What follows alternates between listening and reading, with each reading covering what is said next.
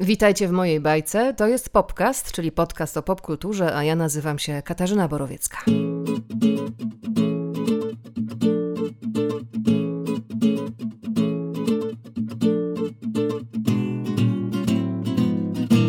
Nasze dziewiętnaste spotkanie zaczynam od gromkiego dziękuję dla patronek i patronów podcastu, którzy zdecydowali się go wesprzeć na patronite.pl.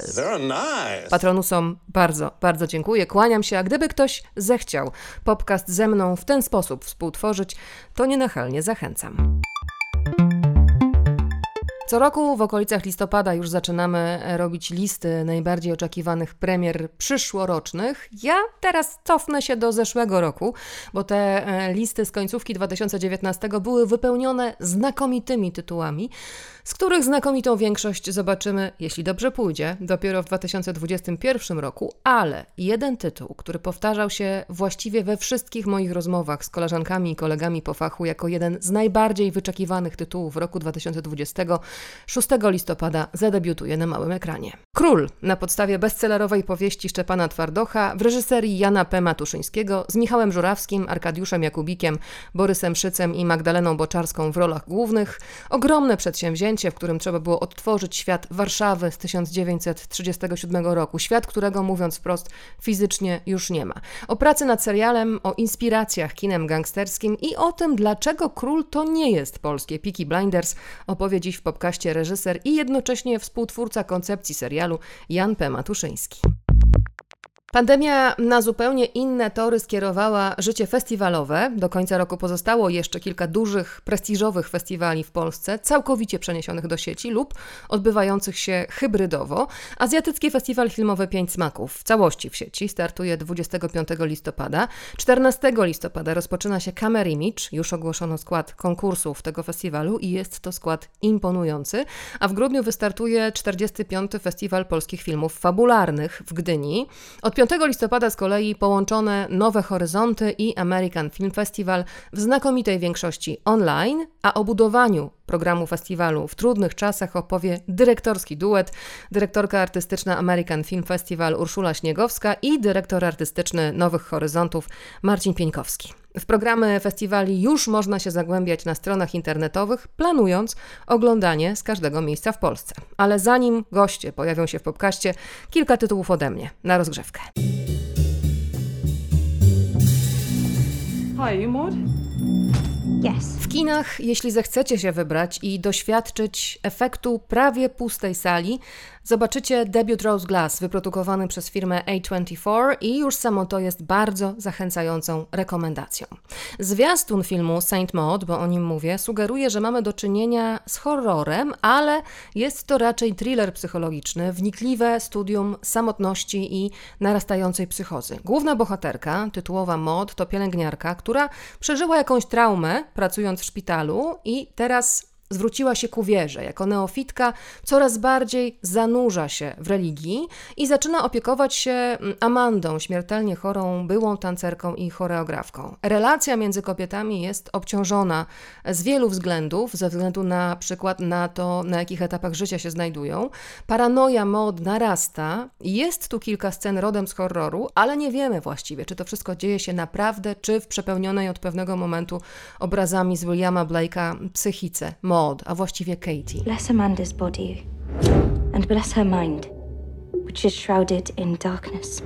Reżyserka myli tropy, pozwala nam na moment uwierzyć, że wchodzimy na dobrze znany tor historii o opętaniu, a jednak ostatecznie daje nam o wiele więcej, nawiązując przy tym także w warstwie wizualnej do znanych z klasyki kina historii o narastającej psychozie. Zwróćcie uwagę na scenografię Pauliny Rzeszowskiej i na muzykę Adama Janoty Bzowskiego. Maud is looking out for me, you see. No i oczywiście na aktorki. W roli Amandy Jennifer Ely, za którą od lat ciągnie się Lizzie Bennett z kultowej serialowej ekranizacji Dumy i Uprzedzenia, ale Jennifer Ely zagrała od tamtej pory kilka ciekawych ról, m.in. w Zero Dark Thirty, czyli po polsku Wróg numer jeden. No i jest oczywiście znakomita Mortis Clark, W roli tytułowej mm, warto to nazwisko zapamiętać, bo zobaczymy ją też, choć trudno przewidzieć kiedy, w serialowej odsłonie Władcy Pierścieni, a i z dumą i uprzedzeniem miała do czynienia Morphys Clark na ekranie. Pojawiła się parę lat temu w nie do końca udanej, ale pomysłowej wariacji na temat arcydzieła Jane Austen, czyli w filmie Duma i Uprzedzenie i Zombie. Saint Maud. W kinach wypatrujcie tego tytułu także w streamingu, do którego z pewnością w końcu trafi. Never waste your pain. Teraz zajmijmy się szachami. Zagrajem. Gambit Królowej na podstawie znakomitej powieści Waltera Tevisa zadebiutował na Netflixie 23 października. To jest popis wielkiego talentu Ani Taylor-Joy, nad której aktorskimi możliwościami rozpływałam się w naszym poprzednim spotkaniu, więc tym razem powiem tylko, że serial jest świetny, stylowo zrealizowany i Osobie, która nie interesuje się szachami, może uświadomić, jak fascynująca jest to gra. Gabit Królowej mm, to nie tylko historia wybitnie utalentowanej dziewczyny, cudownego dziecka wychowanego najpierw w sierocińcu, a potem w przybranej rodzinie, ale też historia dziewczyny, która musi sobie poradzić z traumatyczną przeszłością, z sięgającym dzieciństwa w sierocińcu uzależnieniem od środków uspokajających, no i z własną niepewnością, kiedy wkracza w ten świat zdominowany przez mężczyzn. Men are come along and teach you things. Doesn't make them any smarter.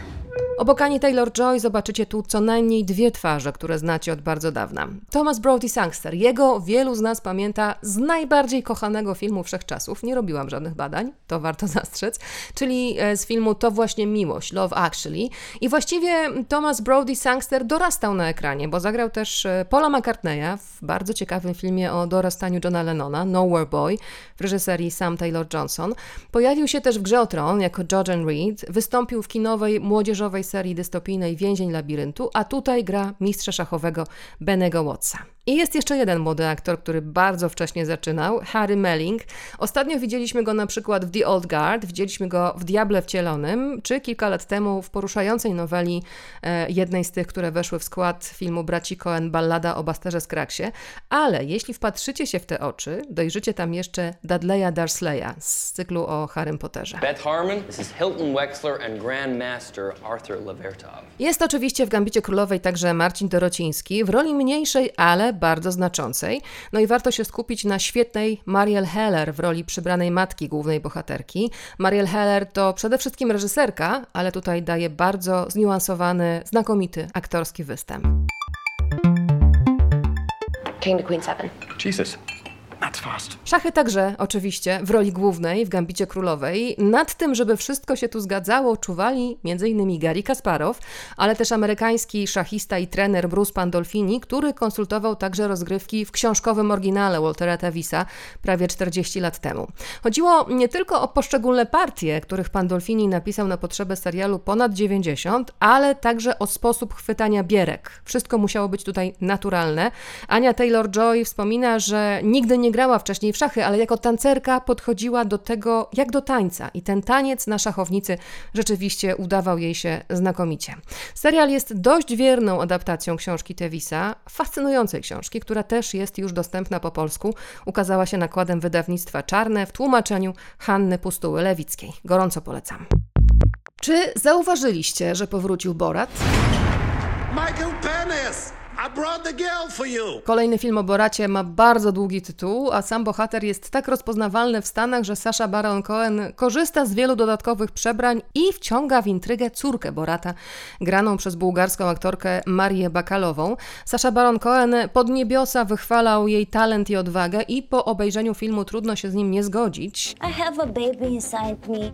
Can you take it out? No, we cannot. Muszę powiedzieć, że mam mieszane uczucia wobec tego filmu, e, ale jestem pełna podziwu, no właśnie, dla odwagi w przekraczaniu granic i odsłanianiu tego, co ludzie najchętniej chcieliby ukryć. E, ja jestem mm, właściwie bezkrytyczna jako wielbicielka Saszy Baronoka, muszę się do tego przyznać, więc uchylam się od ostatecznej oceny. Warto przy okazji wspomnieć, że Kazachstan tym razem postawił na inną reakcję niż 14 lat temu, bo wtedy protestowali bardzo gorąco, a tym razem Izba Turystyczna Kazachstanu wciągnęła Boratowe Very Nice do swoich reklam. Look there! It's a woman driving a car. Borata można obejrzeć na Prime Video, a skoro już tam się znajdziemy, gratka najwyższej jakości, czyli wszystkie sezony serialu The Americans Zawód Amerykanin. O szpiegach KGB, głęboko zakonspirowanych w Stanach Zjednoczonych w latach 80. z Kerry Russell i Matthew Rice'em w rolach głównych. To jest serial znakomity realizacyjnie, bardzo wciągający, świetne aktorstwo, no i to jest jeden z tych seriali, które nie wiedzieć czemu bardzo długo czekały na docenienie nagrodami, no ale w końcu został doceniony. There's a lady in a dirty nightgown that I see in my dreams. She's standing in front of my mom's bed. Gdybyście szukali horrorów na odprężenie i oderwanie się od rzeczywistości, obecność spełnia wszelkie wytyczne gatunku i znakomicie się ogląda, a komu nie przeszkadza, że zna zakończenie, to jedno z najbardziej piorunujących zakończeń w historii kina, może wrócić do innych z Nicole Kidman. Niesamowita filmowa przygoda. Na marginesie dodam, że wciąż nie zrezygnowano z planów remakeowania tego filmu, no ale są rzeczy w showbiznesie, które nie śniły się ani filozofom, ani szachowym arcymistrzom.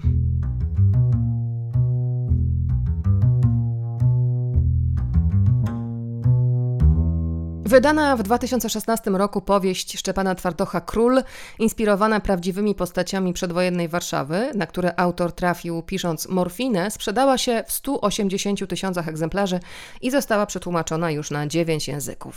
W Królu Twardoch flirtuje z powieścią gatunkową. Wiesz skąd jestem? Z nędzy z ulicy. Nikt mi nic nigdy nie dał.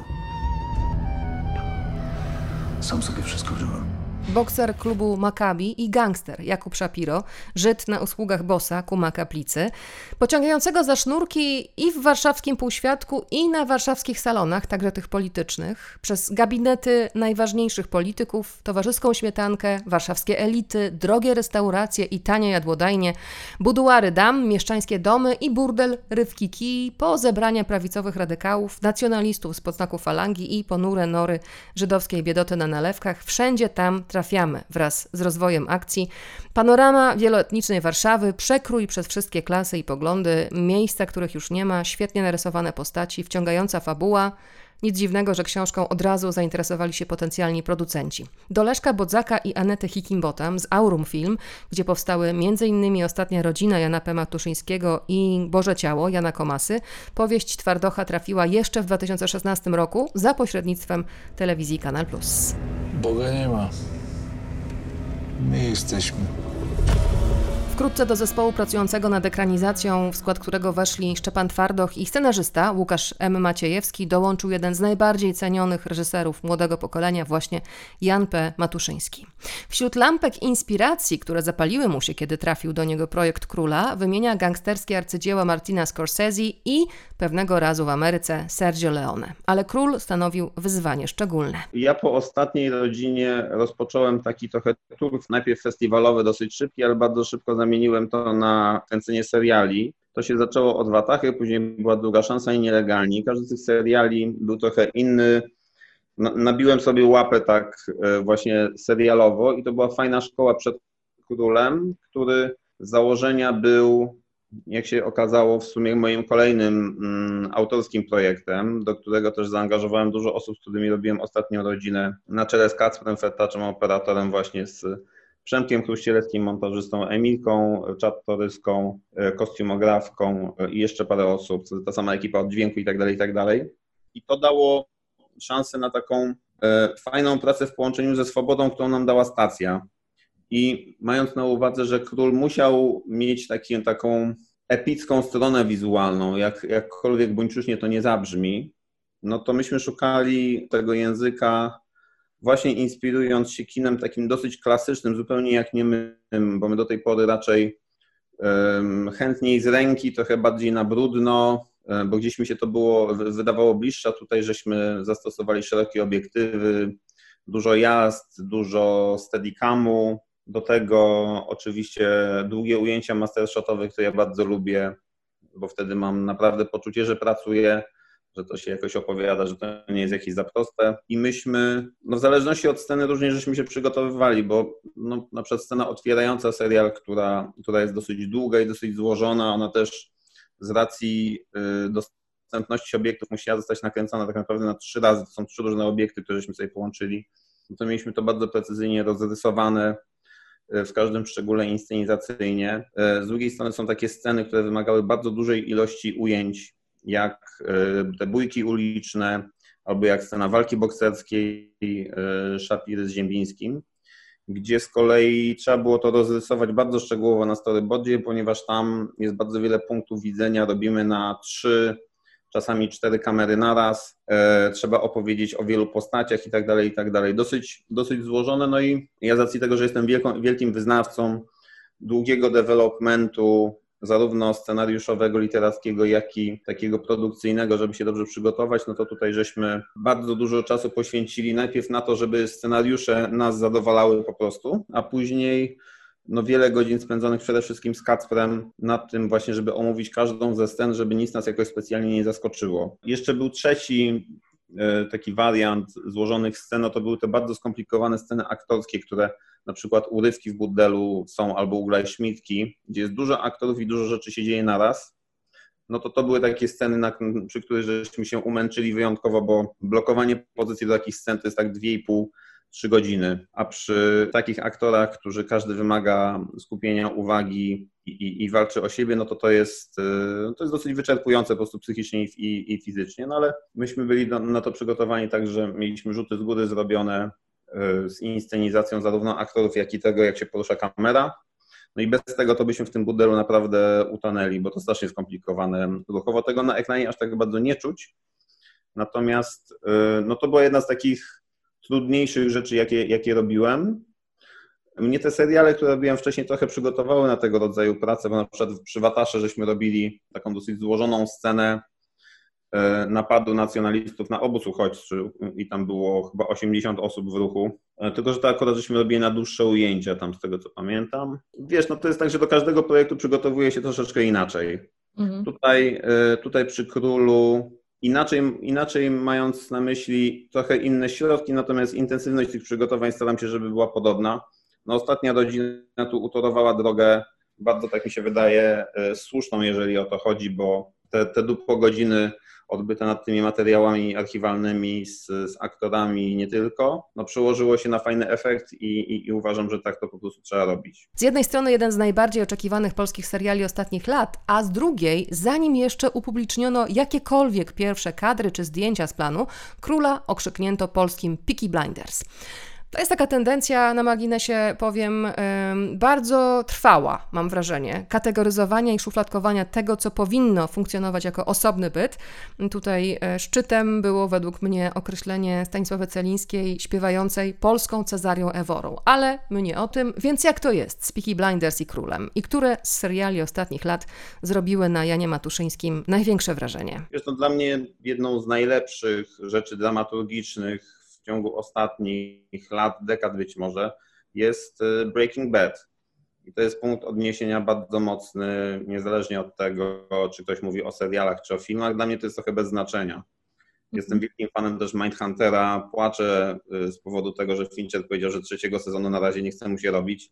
Co ja rozumiem, bo robienie serialu to jest dużo większa udręka niż robienie filmu, bo to po prostu dużo więcej czasu zajmuje. Ja skojarzenia z Peaky Blinders nie lubię, bo Peaky Blinders jest takim bardzo prostym punktem odniesienia, natomiast chybionym, bo to jednak przynajmniej początkowe sezony to nie te lata, a też na pewno nie ta stylistyka. Ja nie, nie znudził ten serial, ponieważ chodzenie w zwolnionym tempie z buchającymi płomieniami w rytm PJ Harvey, no to, to ma swoje ograniczenia moim zdaniem, a teraz mamy bodajże, nie wiem, piąty, szósty sezon. Ja, ja nie wytrzymałem na początku trzeciego już. Tyle razy tą samą historię y, oglądać, to, to...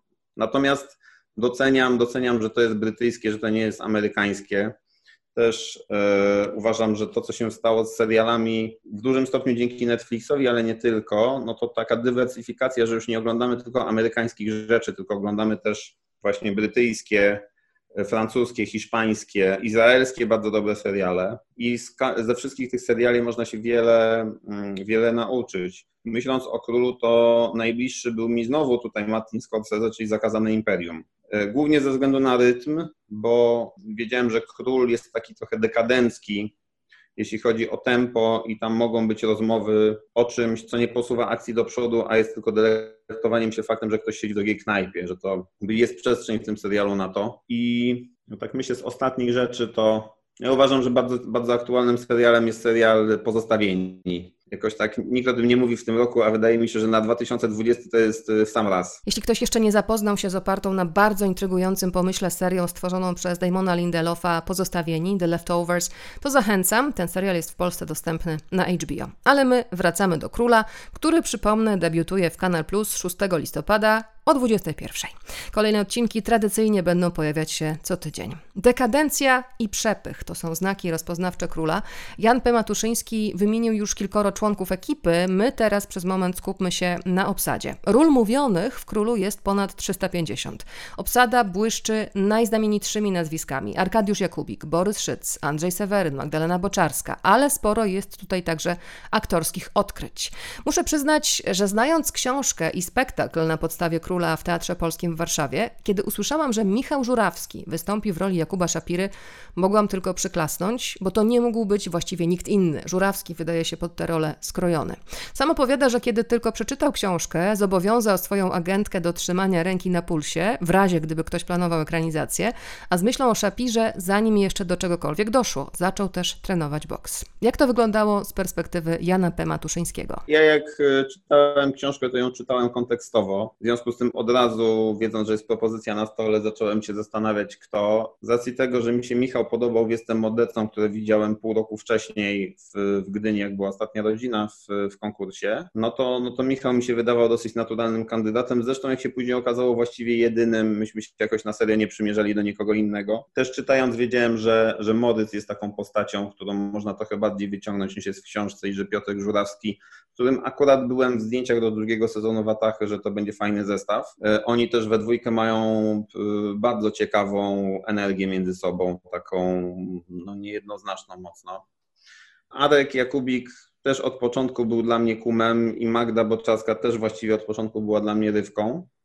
Natomiast chciałem powiedzieć o tych nowszych nazwiskach, które się pojawiają, czyli właśnie Piotrek Pacek, który gra Andrzeja Ziemińskiego, e, który jest fantastycznym odkryciem. Piotrek Batuszek, który jest reżyserem castingu i tutaj E, no naprawdę odwalił kawał porządnej roboty, e, żeby znaleźć te ponad 300, a nawet 350 postaci mówionych jest w Królu, więc jest naprawdę ogrom pracy. I pamiętam, jak mi Piotka Packa przedstawił jako, znaczy nie przedstawił go, pokazał, pokazał materiał, uprzedzając mnie, że to według niego jest materiał na nowego Jacka Nicholsona.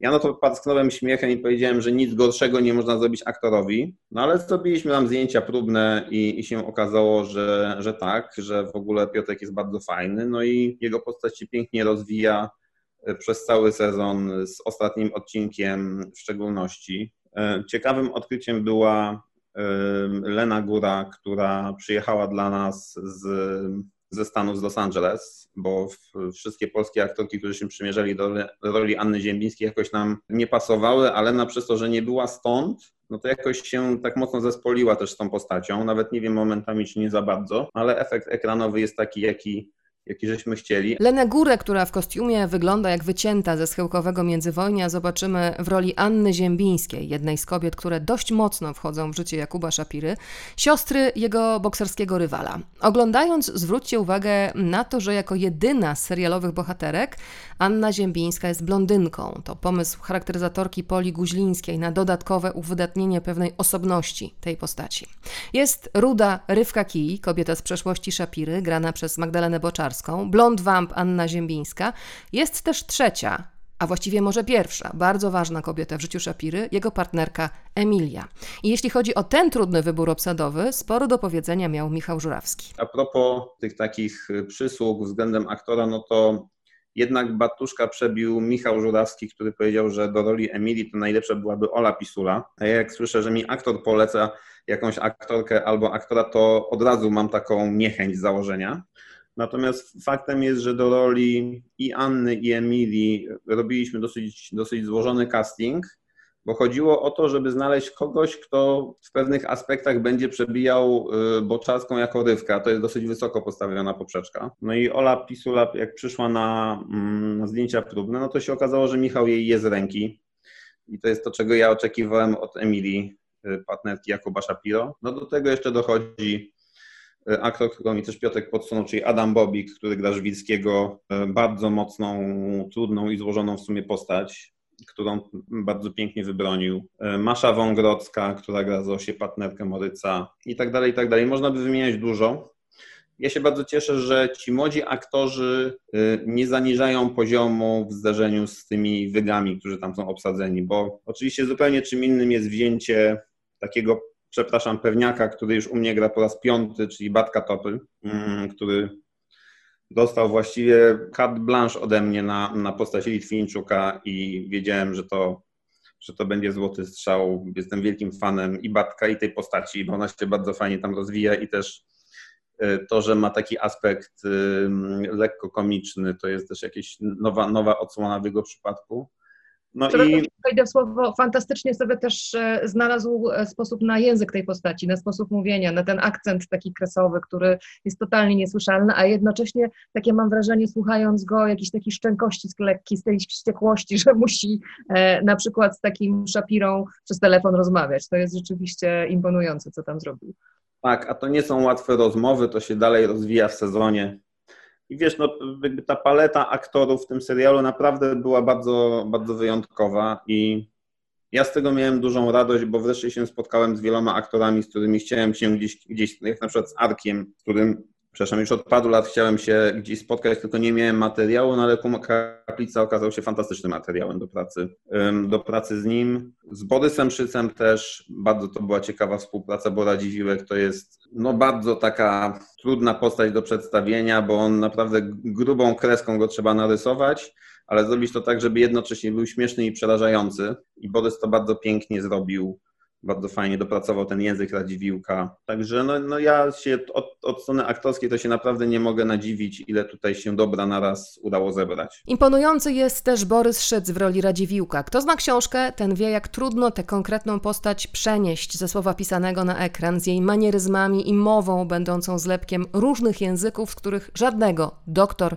nie posiadł w pełni. Tak, no Radziwiłek dostał w pewnym momencie monolog, bo ja wyraźnie poprosiłem Szczepana, żeby jednak Radziwiłek miał w pewnym momencie monolog taki nieprzerwany, żeby w pełni wykorzystać jego nowomowę, jakkolwiek to nazwiemy. Dodam przy okazji, że w serialu usłyszymy także jidysz.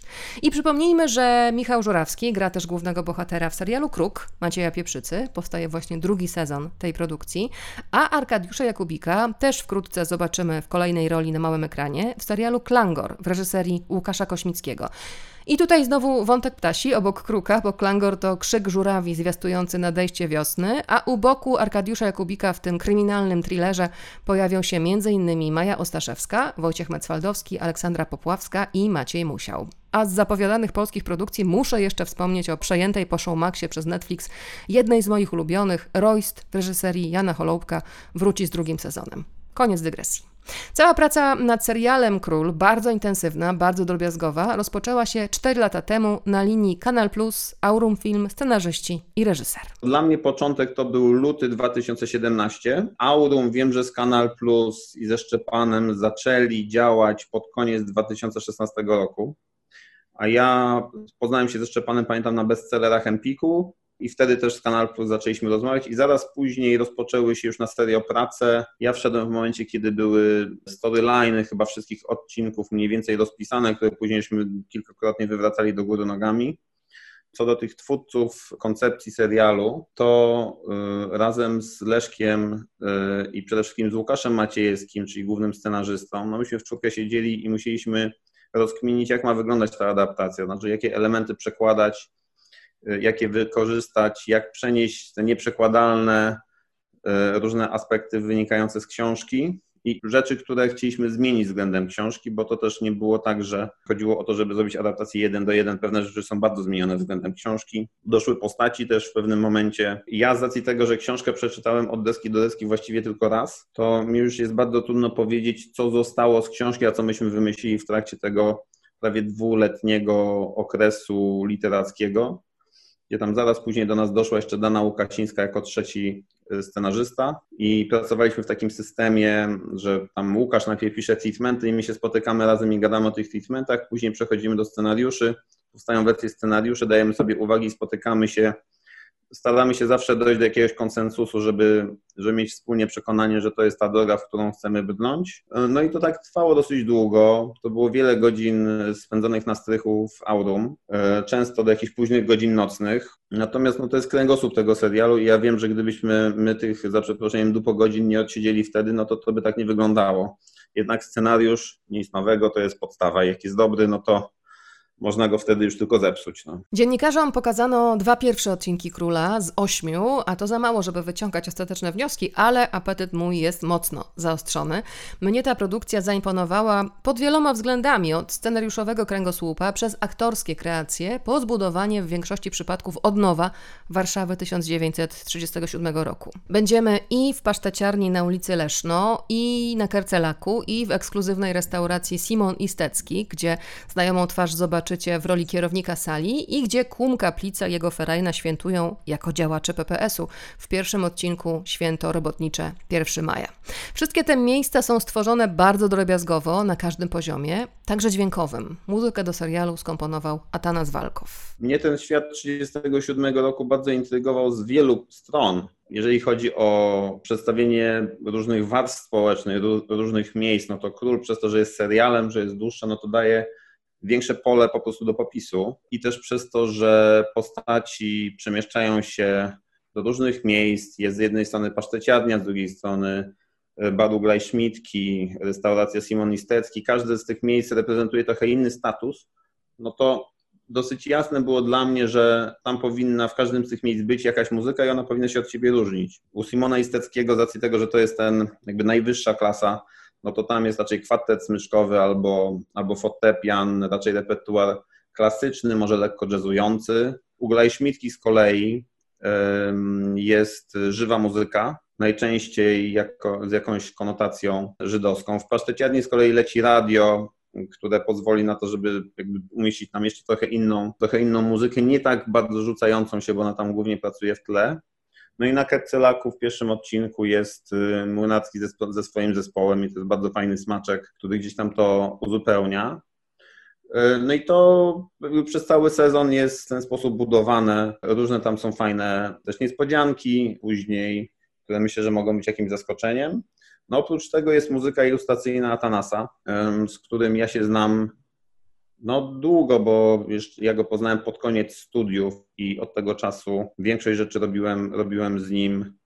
Takim naszym największym projektem wcześniej to, był, to było Deep Love, do którego zrobił bardzo piękną muzykę zresztą. No i e, on był takim naturalnym wyborem, ponieważ po pierwsze jest półbułgarem i jego, jemu wszystkie te orientalne muzyki świata i tak dalej, i tak dalej są bardzo bliskie ma też dosyć spore doświadczenie z muzyką żydowską. Mm, na festiwalu żydowskim grał płytę Kają, zrobił i tak dalej, i tak dalej.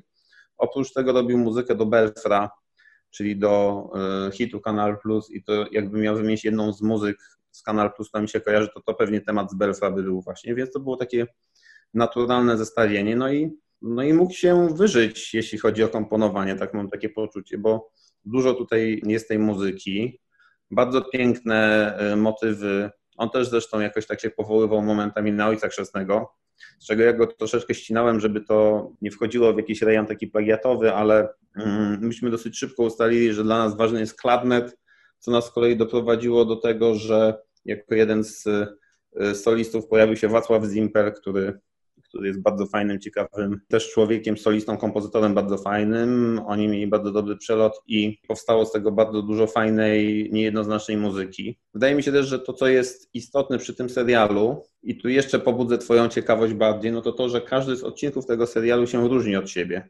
Że one nie są, nie, nie można tutaj mówić o jakim formacie jednoznacznym jednak każdy, każdy z odcinków ma trochę inną dominantę emocjonalną, o czymś trochę innym opowiada, ma też inną konstrukcję dramaturgiczną, co automatycznie determinuje inny sposób podejścia do wykorzystania muzyki. I, i do tego też Atanas musiał się dostosować, co spowodowało, że musiał tej muzyki pewnie napisać więcej niż może pierwotnie żeśmy zakładali, no ale ciągle dzięki temu ten serial się z odcinką na odcinek zmienia i, i ja to bardzo bardzo lubię, bardzo cenię, że, że się udało tak przeprowadzić.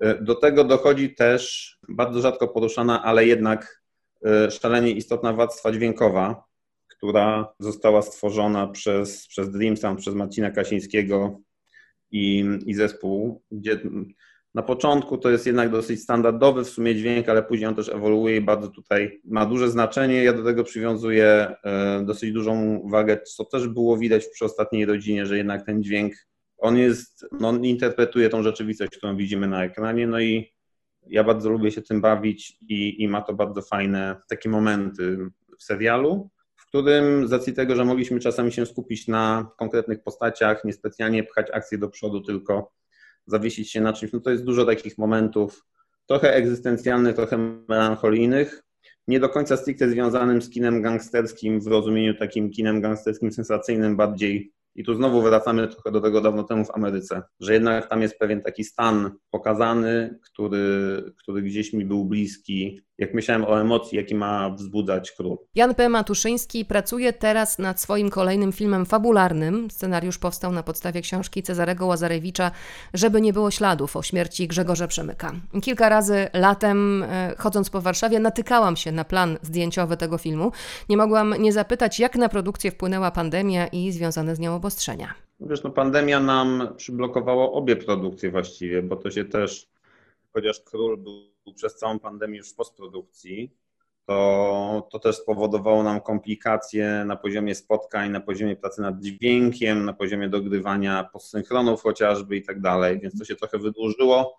Chociaż wbrew temu, co parę osób jakoś komunikuje, myśmy nie przesuwali premiery króla. Ona od dłuższego czasu była ustalona na jesień 20.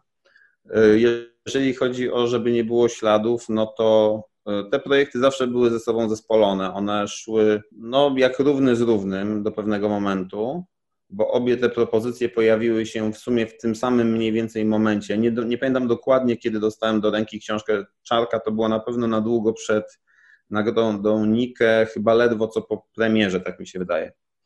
I e, no, prace nad filmem cały czas trwają. Jesteśmy jeszcze y, dość daleko od mety, więc tak trochę trudno mi jest wchodzić w jakieś większe szczegóły. Szczególnie, że czasy pandemiczne nie dają za bardzo szansy na to, żeby móc coś przewidzieć dalej niż o tydzień do przodu. E, co mówię z dosyć dużą taką trwogą, bo, bo to jest duży film, wymaga y, po, poważnych nakładów i y, mam nadzieję, że uda nam się go w spokoju zrealizować do końca. O żeby nie było śladów, na razie niewiele wiadomo, poza tym, że film powstaje i produkuje go znowu Aurum Film Leszka Bodzaka i Anety Hikimbota. Musimy zapanować nad warszawską ulicą. Kaplicy zabraknie. To się wtedy wezmą za łby.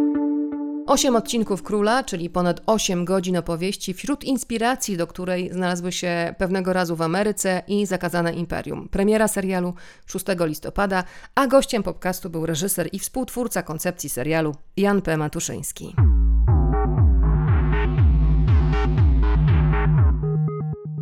Okoliczności roku 2020 wymusiły wiele zmian w życiu kulturalnym, wpłynęły także na festiwale filmowe, które, jak na przykład Dogs Against Gravity czy Transatlantyk, mają za sobą edycje hybrydowe. Jesień wymogła z kolei na organizatorach przeniesienie ogromnej większości, jeśli nie całości programów do sieci. Tak zdecydowali organizatorzy 14 Azjatyckiego Festiwalu Filmowego Pięć Smaków, który rozpoczyna się 25 listopada. Podobnie jest z włączoną w tym roku edycją Nowych Horyzontów i American Film Festival. Festiwal. Festiwal startuje 5 listopada, a oto jak wyglądało przygotowywanie tej edycji w roku, w którym prawie nie odbywały się duże festiwale filmowe, zapytałam dyrektorski duet, dyrektorkę artystyczną American Film Festival Urszulę Śniegowską i dyrektora artystycznego Nowych Horyzontów Marcina Pieńkowskiego.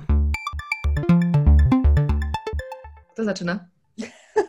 Ja mogę zacząć, bo, bo miałam szczęście, że Sundance jeszcze się odbyło zupełnie normalnie i nawet nikt nie wspominał o jakimś dziwnym wirusie, więc w tych kompletnie napchanych salach siedziałam nawet koło pewnej pani, która bardzo ostro kaszlała przez cały seans, nawet pamiętam jakiego filmu.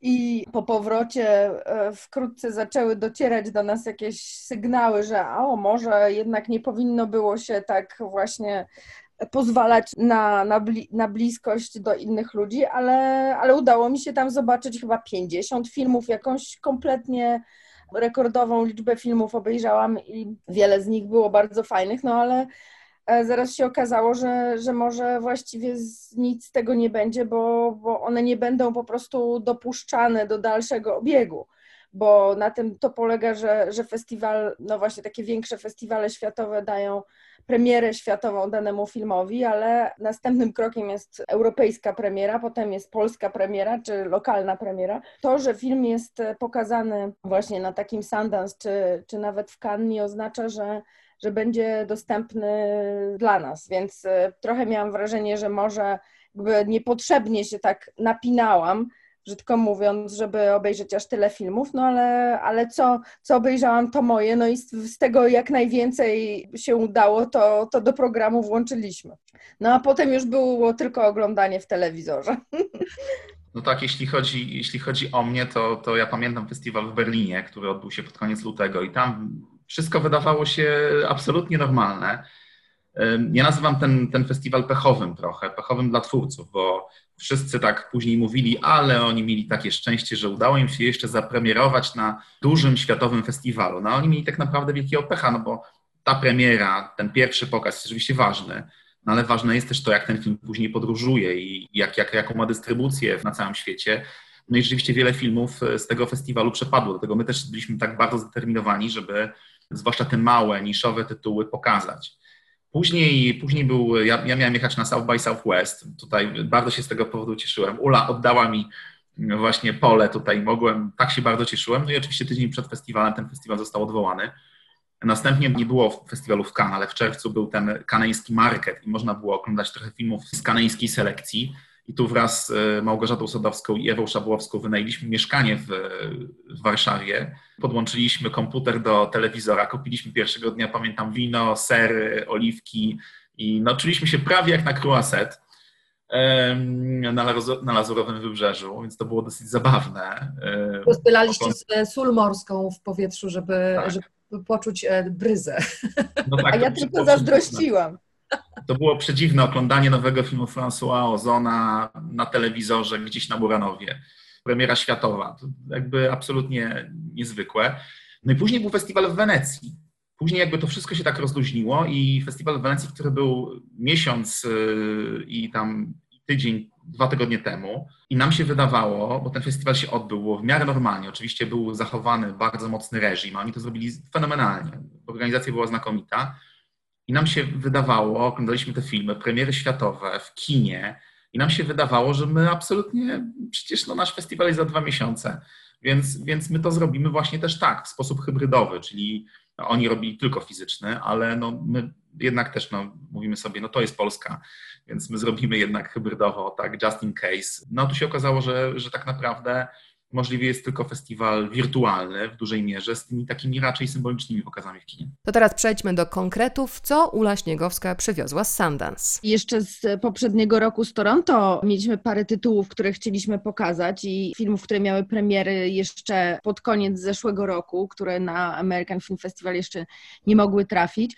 Takim filmem jest Pierwsza Krowa Kelly Reichardt, którą e, no, śledzimy od dawna, e, nie krowę, tylko, tylko reżyser reżyserkę.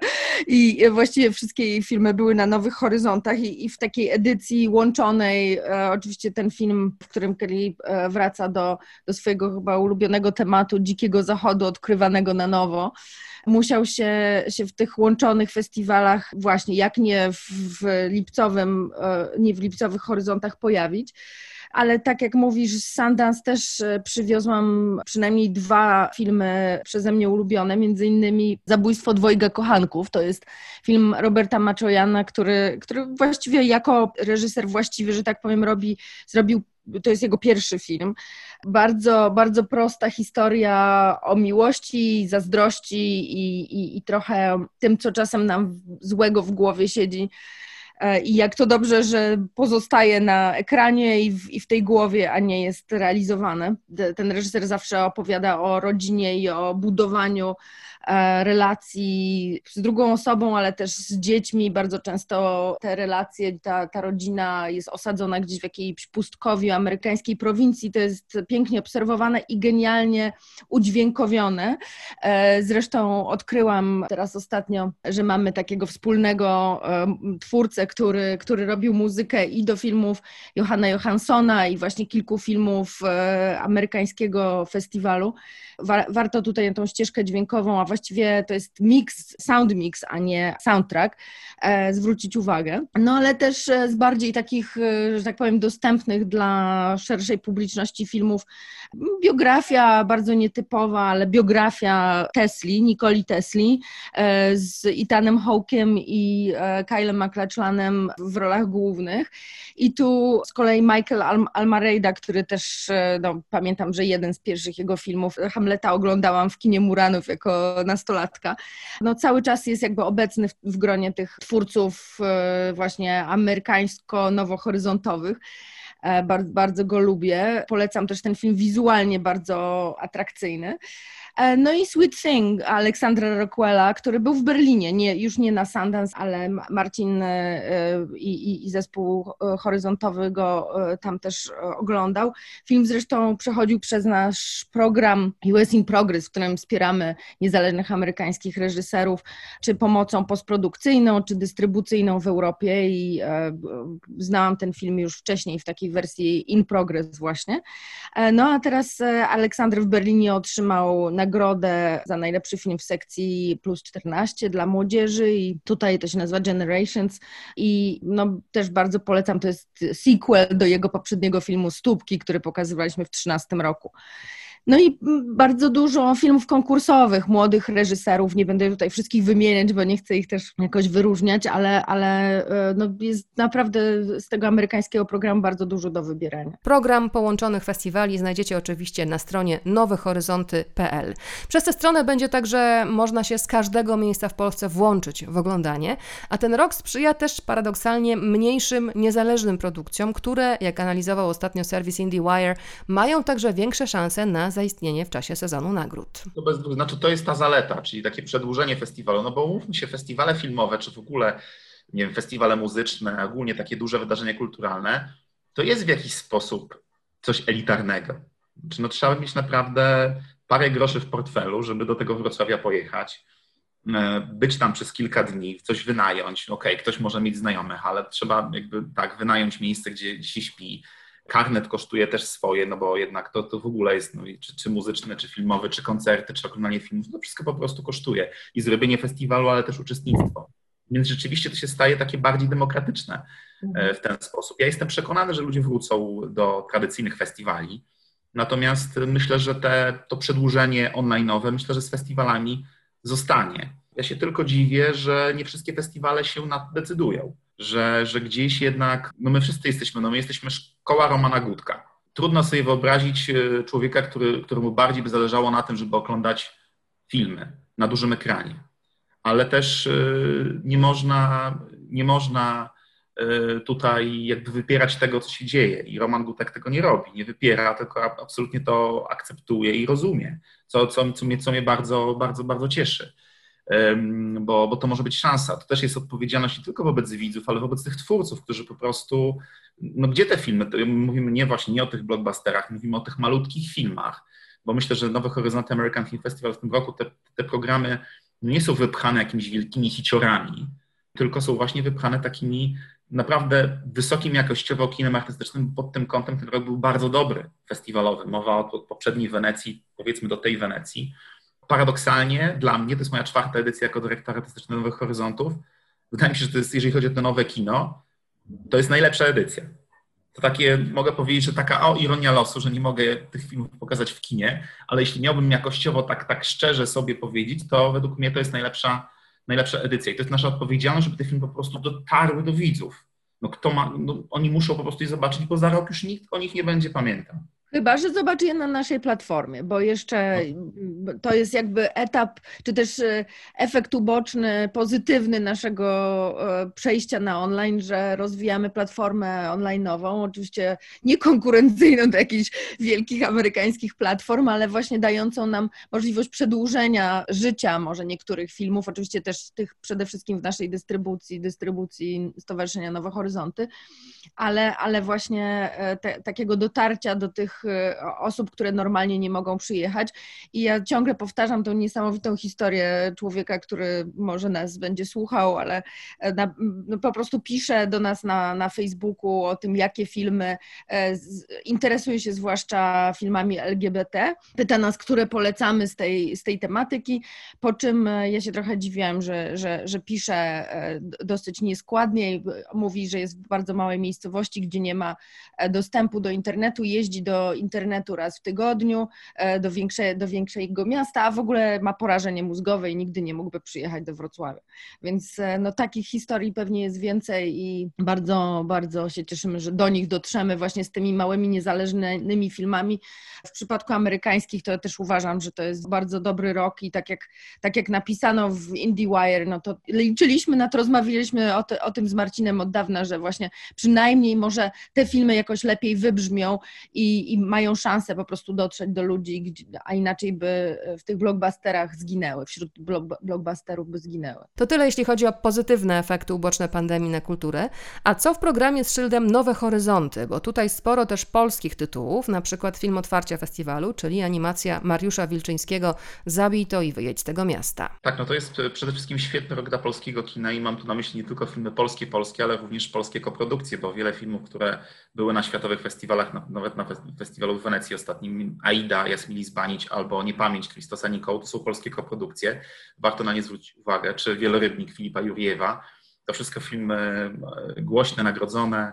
Natomiast rzeczywiście no cieszę, ja się bardzo cieszę, że Zabitej wyjedź z tego miasta otwiera festiwal film Mariusza Wilczyńskiego. On miał retrospektywę, zdaje się, w 2012 roku. Nawet wydaliśmy książkę. To jest y, film, który powstawał kilkanaście lat. E, słownie, kilkanaście lat. To jest coś niesamowitego. No i też film, który powinno się oglądać w kinie. I też film troszkę pechowy, no bo on miał y, premierę na festiwalu w Berlinie. Oczywiście później był pokazywany i w Annecy, i w Ottawie, dostał mnóstwo nagród i cały czas jest pokazywany na wielu światowych festiwalach, no ale wiadomo, że nie może mieć takiej drogi, jakby, jaką by miał normalnie. Bardzo osobiste kino, kino o czasie, o pamięci, o jakiejś pewnej samotności. No i słyszymy jakąś nieprawdopodobną plejadę głosów świata kultury, już nieżyjących, jak Andrzej Wajda, Irena Kwiatkowska, Tadeusz Nalepa, E, ale, czy Gustaw Holubek, ale również no, fenomenalnych e, aktorów naszych, e, jak Krystyna Janda, Marek Kondrat. No, to jest jakiś nieprawdopodobny miszmasz, coś, coś, coś, coś genialnego. Pokażemy, ten film pokażemy i na tych symbolicznych pokazach kinowych, i w naszej platformie. Tylko w kinie pokażemy Sweat Magnusa von Horna, on później trafi oczywiście do kin. Pokazywaliśmy kilka lat temu jego intruza. Ten film znowu, kanańska selekcja w tym roku. Też taki trochę pech, nie pech, ale rzeczywiście jeden z tych filmów, które wybrzmiały bardzo mocno w tej, w tej e, kanańskiej selekcji. Z kolei e, film o, mm, e, o takiej celebryckiej samotności i właśnie takiej samotności w tym takim przedziwnym świecie Instagramów, Facebooków. Bardzo, bardzo kameralne kino, ale bardzo w punkt. I ja bym chciał zwrócić właśnie uwagę na te dwa filmy, które są w naszym konkursie. Pierwszy z nich to Komar Filipa Jana Rymszy. To jest film, który był w Wenecji. Mało się o nim mówiło. Mówiło się tylko o filmie Małgorzaty Szumowskiej, a to był film, który był out of competition, poza konkursem. To też jest polski twórca, oczywiście związany ze Stanami Zjednoczonymi, z, z Ameryką, mm, ale to jest polski reżyser, to jest w pełni polski film, mimo że jest anglojęzyczny. I to jest już rzeczywiście w kino spod znaku Davida Cronenberga. Taki insect horror z jednej strony, ja inaczej patrzę, odkąd obejrzałem ten film, inaczej patrzę na Komaria. No, pamiętam, jak dostałem telefon od WFDIF y, i, i, i pani Jola, którą bardzo serdecznie pozdrawiam, mówi mi, że no pani Marcinie, mamy dla państwa taki film e, bardzo nowohoryzontowy, nazywa się Komar. Ja mówię, co to w ogóle będzie? I pamiętam, wieczorem obejrzałem ten film, byłem w takim nieprawdopodobnym szoku. Kino niesamowicie stylowe, niepokojące, i właśnie taki insekt horror, ale z drugiej strony też tak, o, tak, taki film o, o kryzysie, dziejący się w czasie kryzysu ekonomicznego w 2008 roku. No coś, coś niezwykłego. Zresztą Filip Jan Remsza jest też odpowiedzialny za rekonstrukcję filmów e, Orsona Wellesa i pokażemy jego e, Hopper Welles, e, który też był pokazywany w Wenecji w ramach American Film Festival. I drugi film, który pokażemy w konkursie głównym naszym, to film Proste Rzeczy Grzegorza Zaricznego. Nie wiem, dlaczego tego filmu nie ma w konkursie y, w Gdyni. E, I będę mówił o tym głośno, bo uważam, że to jest dla mnie jest absolutnie niezrozumiałe, dlaczego tego filmu e, nie ma w konkursie y, w Gdyni, a jest na przykład Jak zostałem gangsterem. e, czyli film mainstreamowy, bo to z kolei jest bardzo kameralna, malutka historia. Jeżeli Państwo pamiętają Falę, jego pierwszy film, to, to, to też jest taka mała historia o budowaniu więzi, e, budowaniu relacji. Ja uwielbiam rytm tego filmu, montaż tego filmu. To jest, to jest maleństwo absolutne i będzie miało naprawdę wielkie problemy, żeby no, zaistnieć na dużym ekranie później w dystrybucji kinowej. Ale z drugiej strony jest to jeden z najciekawszych filmów polskich tego roku i łatwo tak go przegapić. A, a, a myślę, że Grzesiek Zaryczny to jest naprawdę wielki talent. Taki film na, też na, na pograniczu fabuły i takiego trochę paradokumentu właściwie. Mm, więc bardzo gorąco ten film polecam. I jeszcze film Agnieszki Polskiej, Hura, wciąż żyjemy. Y, znakomita polska artystka. No, film, który zrodził się z miłości do Rainera Wernera Fassbindera. Film o śledztwie, o poszukiwaniach reżysera, który gdzieś zaginął. Y, inspirowany twórczością Fassbindera, kolory, motywy, to jest coś naprawdę również bardzo ciekawego, to w sekcji front wizualny. Ja myślę, że proste rzeczy są za proste dla osób, które często zajmują się to, tą selekcją festiwalową, bo i myślą o tym, że tylko spektakularne, wielkie jakieś e, wielkobudżetowe i, i e, powalające po prostu pomysłami rzeczy należy promować, a ten film jest po prostu skromny i głęboki. I niestety no, często takie rzeczy są, właśnie takie perły są gdzieś, gdzieś prze, przeoczane. I wydaje mi się, że, że, że właśnie ten film niestety na, właśnie na dużym ekranie powinien być oglądany i powinien być bardzo no, dopiero wtedy doceni się jego rytm, do, jego tempo, jego styl. E, natomiast e, no, mamy, mamy nadzie mam nadzieję, że jeszcze po, po festiwalach e, właśnie ta, to życie jakieś będzie miało, jak wrócimy do normalności i do, do kin, bo rzeczywiście jest to wyjątkowy film. Też strasznie żałuję, że go nie ma w e, programie. Gdyni. Warto wspomnieć, że w konkursie głównym 45. Festiwalu Polskich Filmów Fabularnych w Gdyni znalazło się 14 filmów, m.in. Sweat Magnusa von Horna, Żużel Doroty Kędzierzawskiej, Magnezja Macieja Bochniaka czy Bliscy Grzegorza Jaroszuka. Ale wracając do Nowych Horyzontów i American Film Festival, w programie znalazły się też filmy wyprzedzające rozwój tegorocznych wydarzeń. Ja bym chciał zwrócić uwagę na film Niepamięć. To film, który otwierał weneckie horyzonty w tym roku, bo to jest film o pandemii że o pandemii amnezji. Wszyscy tracą pamięć, nie wiedzą, co się dzieje, yy, to obejmuje cały świat. Film bardzo, film grecko-polski, bardzo zabawny, absur, absurdalne poczucie humoru, takie przedłużenie trochę no, tej greckiej nowej fali, mm, ale bardzo czułe. Yy, I to taki film o takiej nauce życia od nowa. My się wszyscy w tym momencie musimy właściwie tego życia od nowa uczyć. A drugim filmem, który też jakoś koresponduje z tym, z tym wszystkim, co, co się dzieje, jest film Eden Agnes Kocisz, to węgierska reżyserka, która pokazywała wcześniej swoje filmy na przykład w Cannes. Ten film pokazujemy w konkursie. I ten film zobaczyliśmy w Rotterdamie. To jest coś nieprawdopodobnego, to jest film o, o kobiecie, która może wyjść z domu tylko w takim kosmicznym skafandrze, e, bo jest na właściwie na wszystko uczulona. Nie wiemy, czy to jest tak naprawdę to jest dokładnie alergia, czy właśnie tak jak my teraz wychodzimy, niektórzy prawda, nie tylko maseczki, ale po prostu rękawiczki, no, yy, no bo boimy się, boimy się wirusa. I to jest film, który, jak, i ten film opowiada o takiej samotności, tak, o takim zamknięciu w domu. No, to jest niesamowite, jak ten film, ten, film zobaczyliśmy w styczniu na festiwalu w Rotterdamie. I właściwie zaraz później wydarzyło się, wydarzyły się te wszystkie lockdowny. I my sobie powiedzieliśmy, jeju, jaki ten film jest po prostu proroczy i pokazuje naprawdę te wszystkie uczucia, jak sobie go później odświeżyłem, to jest absolutnie znakomity film, który, który pewnie więcej, więcej opowie o tym, o tym, co czujemy teraz, niż wiele filmów, które dopiero powstania. Na pewno takie będą, będą powstawać. Także, także takie dwa filmy, które, które gdzieś bardzo poruszyły, no też gdzieś właśnie korespondują z tym, co, co teraz przeżywamy.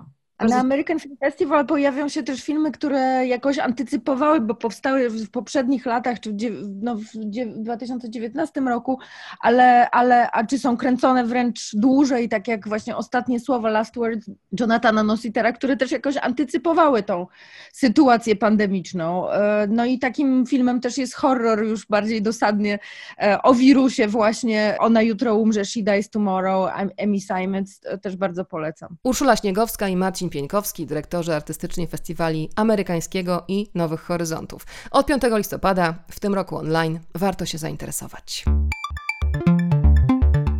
Być może zauważyliście, że epizod 19 podcastu skupiony był głównie na tym, co na ekranie, ale w połowie listopada, także online, cyberedycja łódzkiego Międzynarodowego Festiwalu Komiksu i Gier. Program znajdziecie na stronie festiwalkomiksu.pl. A w 20 epizodzie podcastu spotkamy się m.in. z twórcami serii komiksowej o Bradlu, Tobiaszem Piątkowskim i Markiem Oleksickim. Premiera 15 listopada.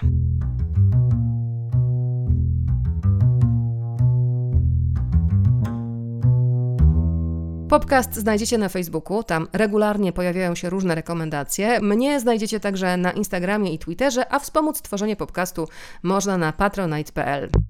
Łukasz Borowiecki po starej znajomości zapewnił muzykę do naszych spotkań, a ja nazywam się Katarzyna Borowiecka i to nie jest moje ostatnie słowo. Do usłyszenia i niech moc będzie z Wami.